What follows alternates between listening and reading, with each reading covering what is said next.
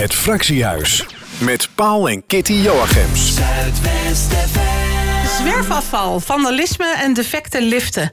De passerelle, de brug over het spoor bij het station in Roosendaal staat erom bekend niet de mooiste en de veiligste plek van de stad te zijn. Uh, december van het afgelopen jaar, 2021, gaf de gemeenteraad het college opdracht om een onderzoek te doen naar de aanpak van het gebied. En omdat dat alweer even geleden is, zijn er nu vragen gesteld, een paar weken geleden. Uh, dat deden Menno Nefs, hij is raadslid in Roosendaal voor de VVD. Sebastian Hamans als raadslid voor het CDA. En Alex Raggers, hij is raadslid voor de VLP. En Alex hebben we nu aan de telefoon. Goedenavond, Alex. Goedenavond, Kitty en Paul.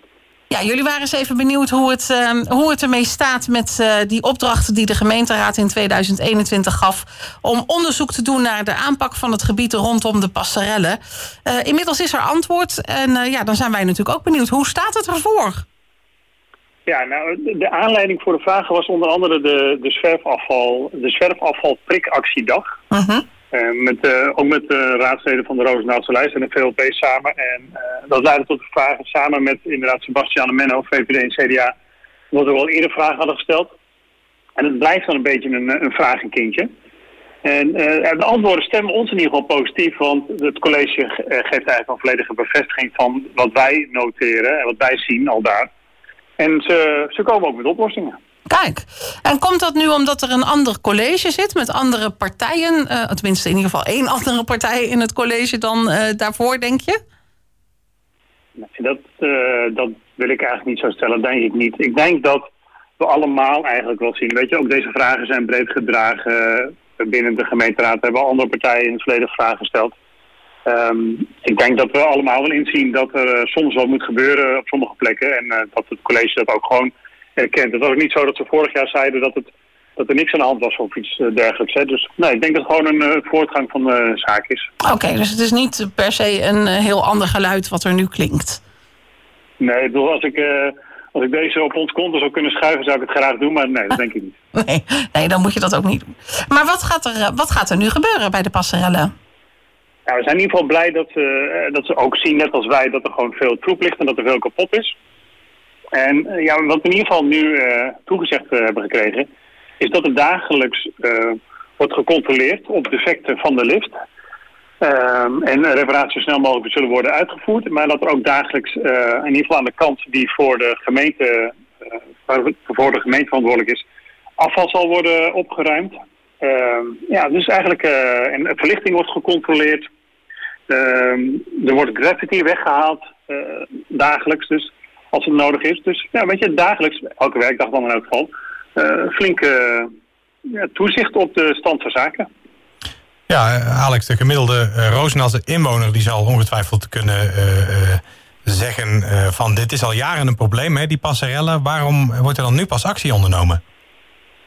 Ja, er is al vaker actie geprobeerd en actie ondernomen. Ik weet, kan ook niet helemaal zeggen waarom nou de, de liften van de passerellen bijvoorbeeld zo'n zorgenkindje zijn um, geweest de afgelopen jaren.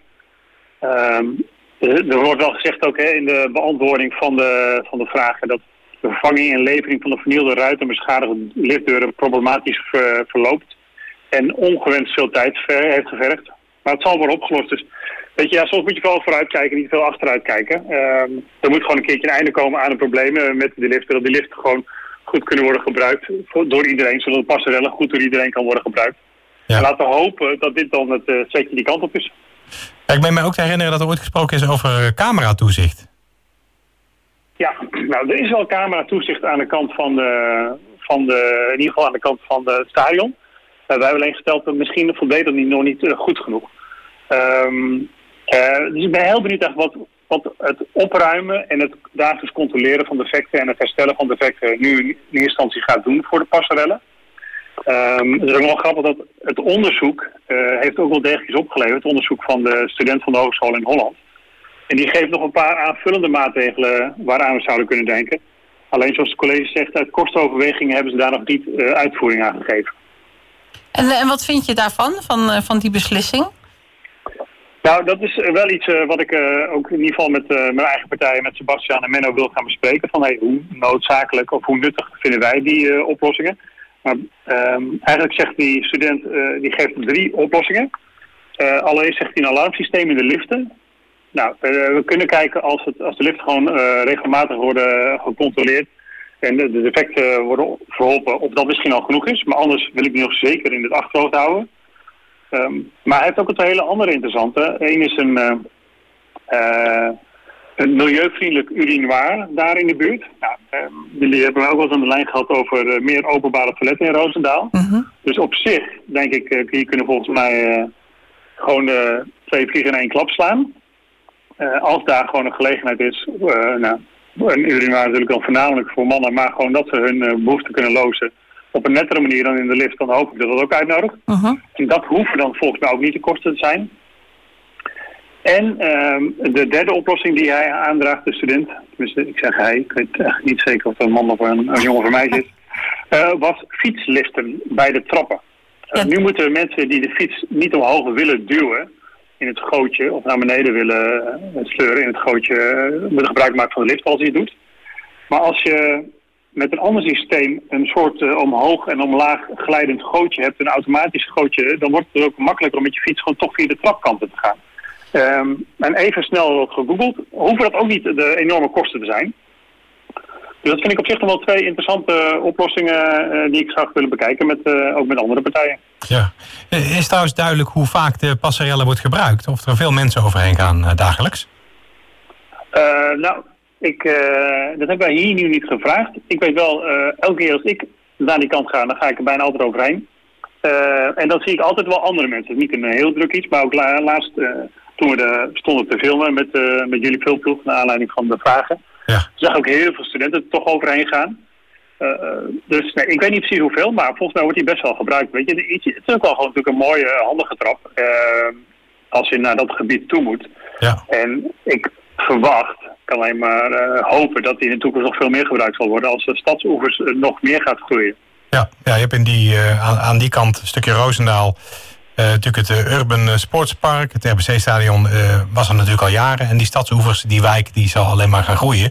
Dus de, ja, de verwachting is natuurlijk wel dat het gebruik van de passerellen zal gaan toenemen. Ja, ja, exact. En dat is, weet je, die passerellen is natuurlijk al jaren geleden ook al neergezet met het oog op in de toekomst gaan we stadshoeven wel weer verder ontwikkelen. En uh, nou kunnen we deze brug iets goedkoper neerzetten dan anders. Uh, nou, het is ook best een hele mooie brug geworden. Nou, laten we hopen dat, het dan, uh, dat die alleen maar meer wordt gebruikt. En dat ook mensen zich daar steeds veiliger en prettiger voelen met deze huidige maatregelen. Die dan wel eens weer, weliswaar weer een proefperiode hebben. Maar met, met, een beetje goede hoop wordt het hier beter van. En dan kunnen we het ook doorzetten. Ja, ja. Nou, we gaan, het, eh, we gaan het zien inderdaad wat dat doet voor eh, de passerellen en ook het eh, gebied eromheen. En als ik jou zo beluister, dan zou het zomaar kunnen dat er nog wel aanvullende vragen komen over bijvoorbeeld zo'n alarmsysteem of een fietslift en de milieuvriendelijke urinoirs of misschien zelfs wel een openbaar toilet. Ja, daar gaan we wat mij betreft wel aan kijken, ja. Nou, wij, wij kijken met jou mee.